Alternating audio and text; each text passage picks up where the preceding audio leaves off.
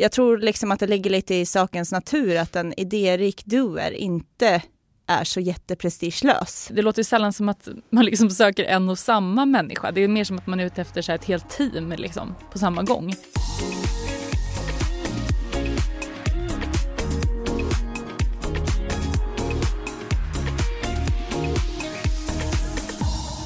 Strukturerad, lagspelare, självständig, driven, kommunikativ, analytisk, stresstålig, noggrann och detaljfokuserad, problemlösare, kreativ. Mm, det var massa fina ord Amanda, men vad betyder det här? Det här är en text från mitt Tinderkonto såklart.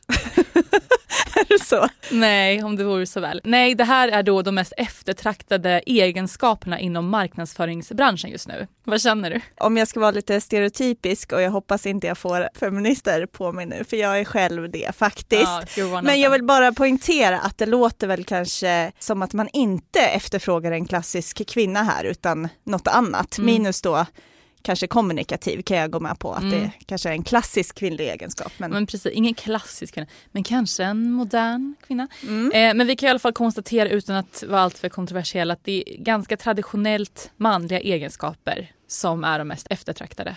Ja, Alltså det är möjligtvis då om kreativ sticker ut lite här också. Mm. Men eh, då får vi ju komma ihåg att vi snackar om en, en kreativ näring här som vi har tittat på. Ja men exakt. Man tänker ju osökt hur het på arbetsmarknaden skulle jag vara om jag gav mig ut just nu? Alltså vilka, vilka av de här egenskaperna känner du igen dig i Jasmine?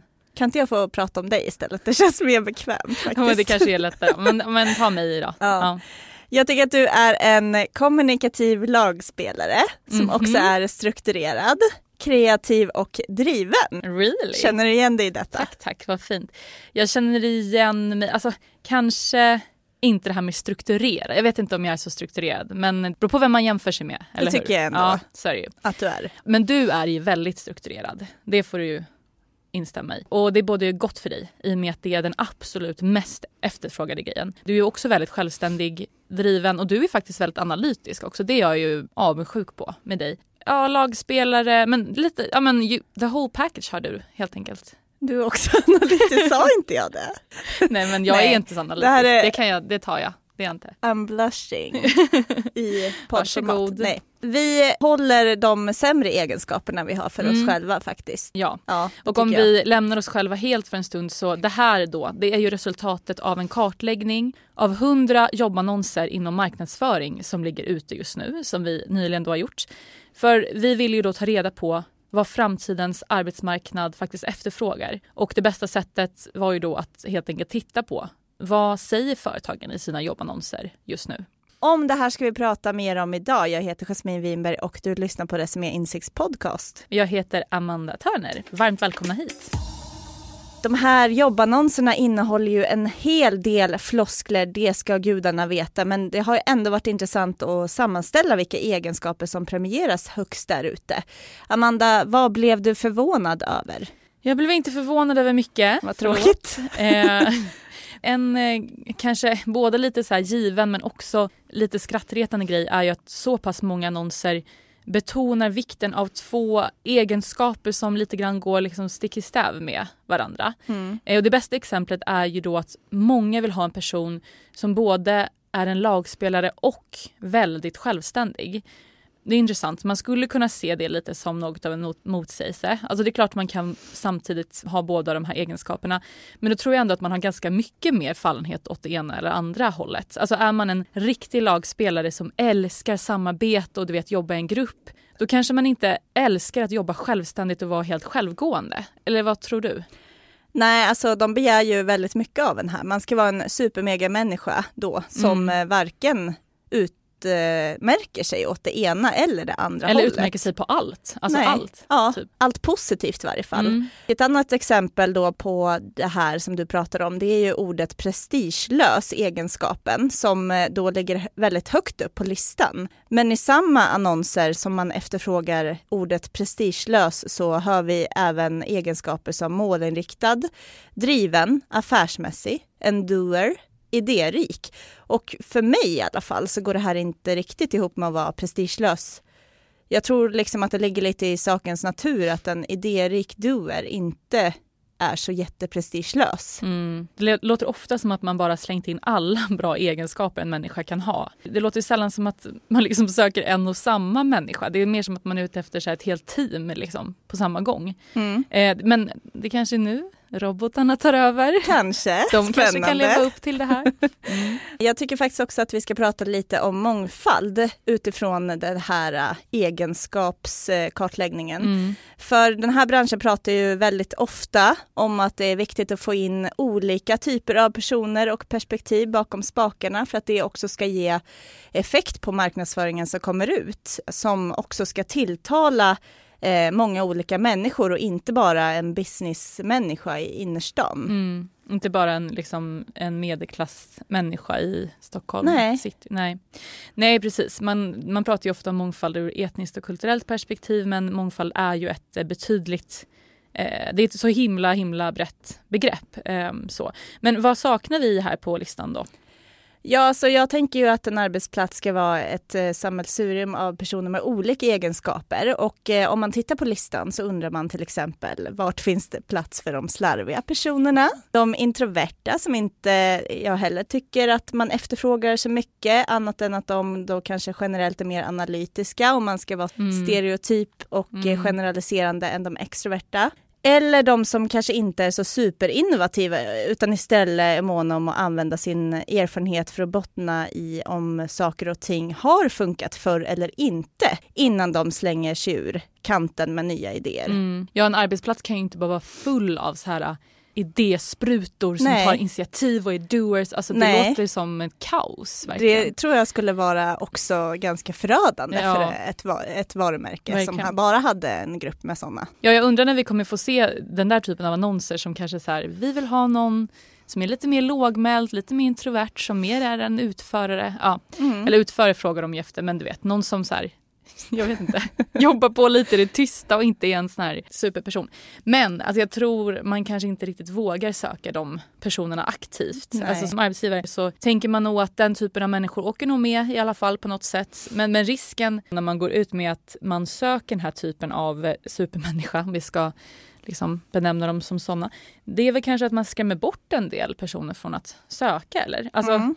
Eller så, så ska man, som man pratar om ibland, man ska inte läsa annonserna så himla noga. Man ska inte låta sig stoppas av att man inte liksom är en robot. Men jag vet inte, jag skulle nog kunna bli lite avskräckt.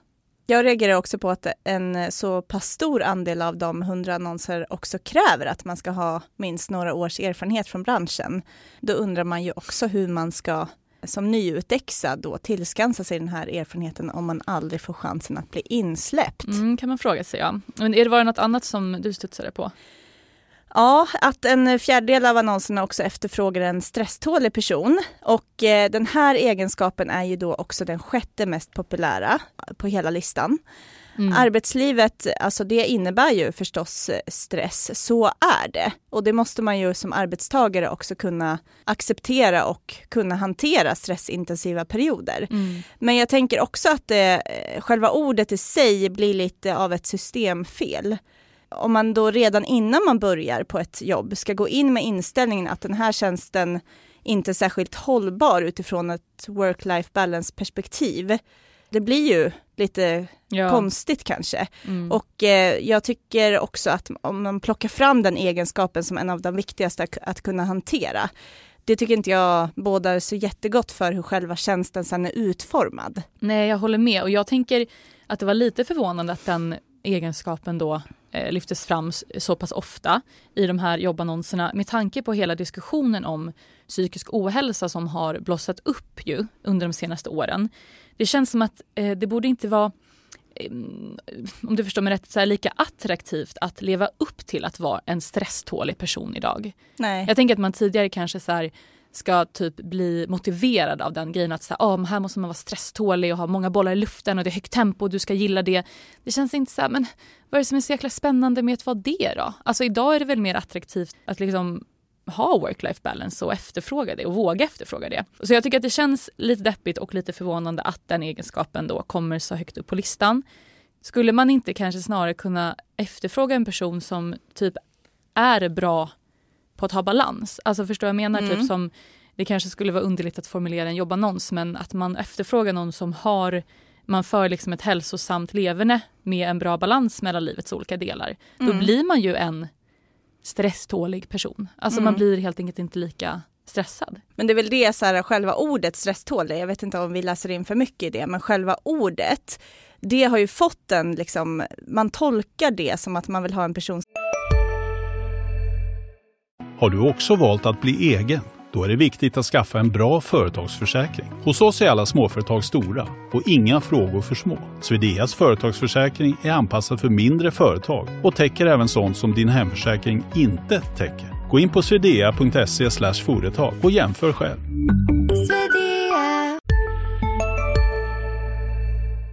som kanske inte sätter ner foten vid hög mm. arbetsbelastning, inte har några gränser för jobb den tar på sig och eh, jag tänker typ att stereotypen av en stresstålig person är en ung, hungrig, nyutexad slav på, en, på en startup. Ja. Om man ska dra det till sin spets. Ja men visst, alltså precis. Jag tycker bara att ordet stresstålig är så omodernt och dassigt ja. och bara sluta efterfråga stresståliga personer. Ja. Erbjud en bra arbetsmiljö istället. Alltså, ja.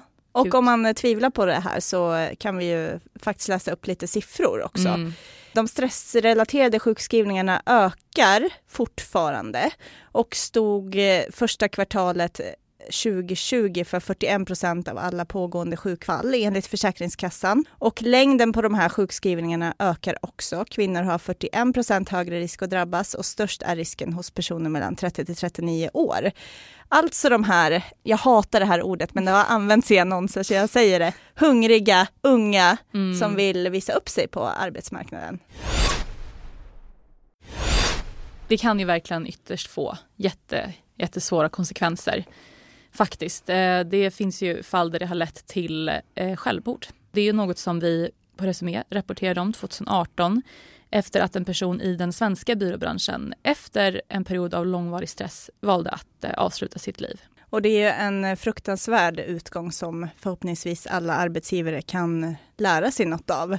Och jag uppmanar alla som inte har läst den här artikeln att göra det, för den är ju faktiskt minst lika angelägen idag som 2018. Man kan googla på jobbstressen blev Peters död och så hittar man den. Mm. Tyvärr så pekar det inte så mycket på att det kommer bli eh, så mycket lättare heller. I slutet av mars då, i år kom Arbetsförmedlingen med sin eh, årliga lista över var jobben finns i framtiden. Och de jobb på högskolenivå som man då ser har hårdast konkurrens eh, är förutom banktjänstemän, fastighetsmäklare, finansanalytiker och musiker. Även då grafiska formgivare, informatörer, kommunikatörer, PR-specialister, fotografer och journalister. Mm. Och med det här då som bakgrund så tycker vi att alla arbetsgivare borde ta sig faktiskt en extra funderare över hur de tar hand om sin personal. Mm. Hur bra koll de har på deras arbetssituation och hur öppen och tillåtande miljö man har för att prata om psykisk ohälsa. Ja precis, för när det är superhög konkurrens då finns ju den här risken att arbetssökande sänker sina krav på själva arbetsplatsen också. Man vill ju så bara komma in och få bevisa sig.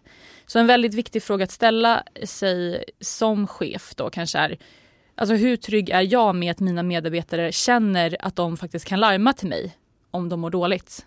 Exakt, det är ju A och O och mm. något som vi tror kommer bli väldigt viktigt mm. för framtidens arbetsgivare. Ja, för att återkoppla då lite till det vi pratade om eh, med de här toppegenskaperna då.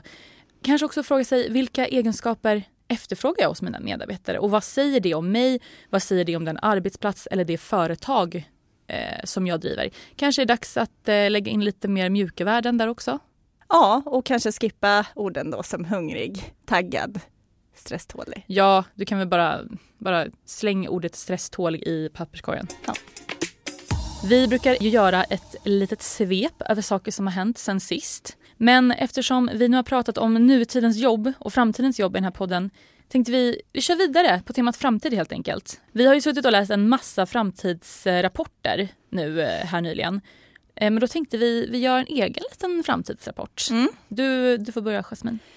Ja, nummer ett då är att vi kommer få se ett nytt digitalt annonslandskap Och eh, den här spaningen har ju förstås med cookiedöden att göra. Digital annonsering har blivit allt mer påträngande för konsumenten de senaste åren och vi känner ju alla väl till problemen som det här har fört med sig med dålig retargeting och allt vad det inneburit som tapetsering på sajter, icke-relevanta budskap och förföljelse av annonser med produkter man redan har köpt. Många annonser har ju också träffat rätt ska sägas. eh, men eh, de här eh, dåliga sakerna som eh, cookiesarna har fört med sig hoppas vi att cookiedöden ska ta död på. Och det kommer ju förstås att innebära att det blir klurigare att nå konsumenten med spetsiga budskap. Men vi tror att den digitala annonsmarknaden också kommer bli roligare och härligare.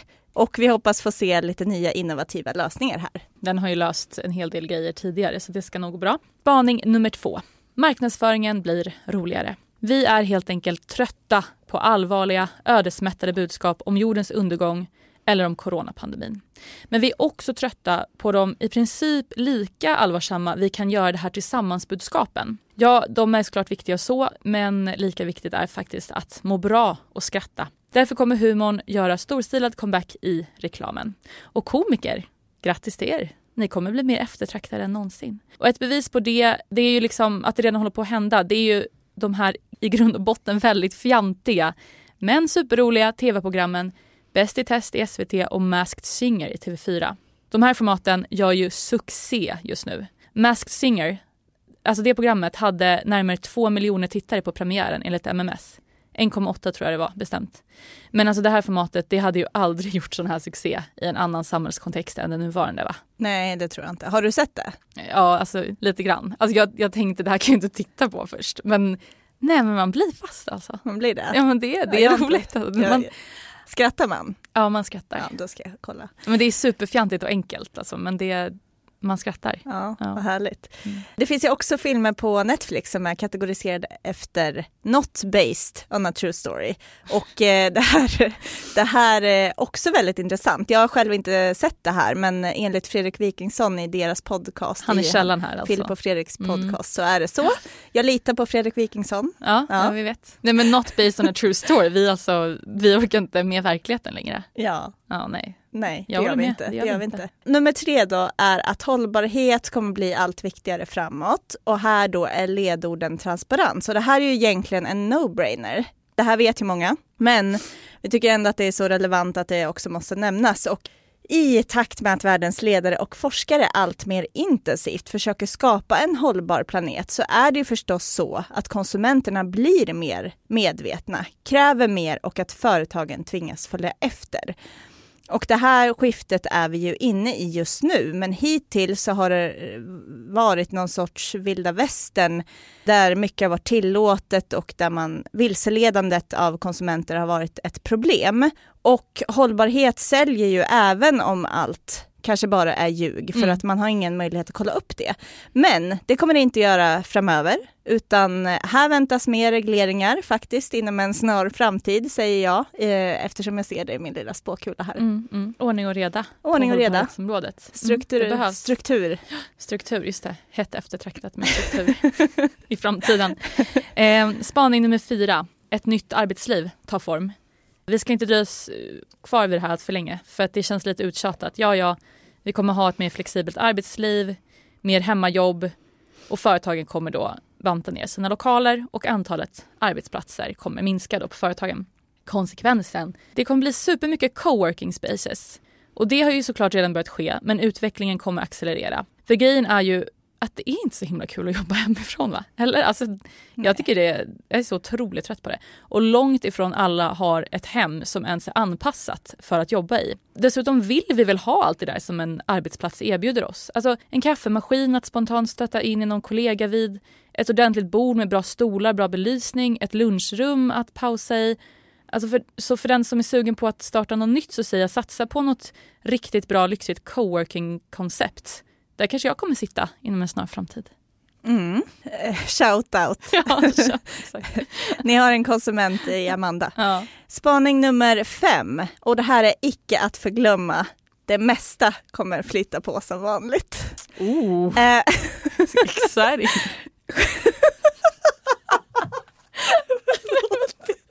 Ja, generellt så tycker jag då att den här branschen ofta är drabbad av en framtidsmani.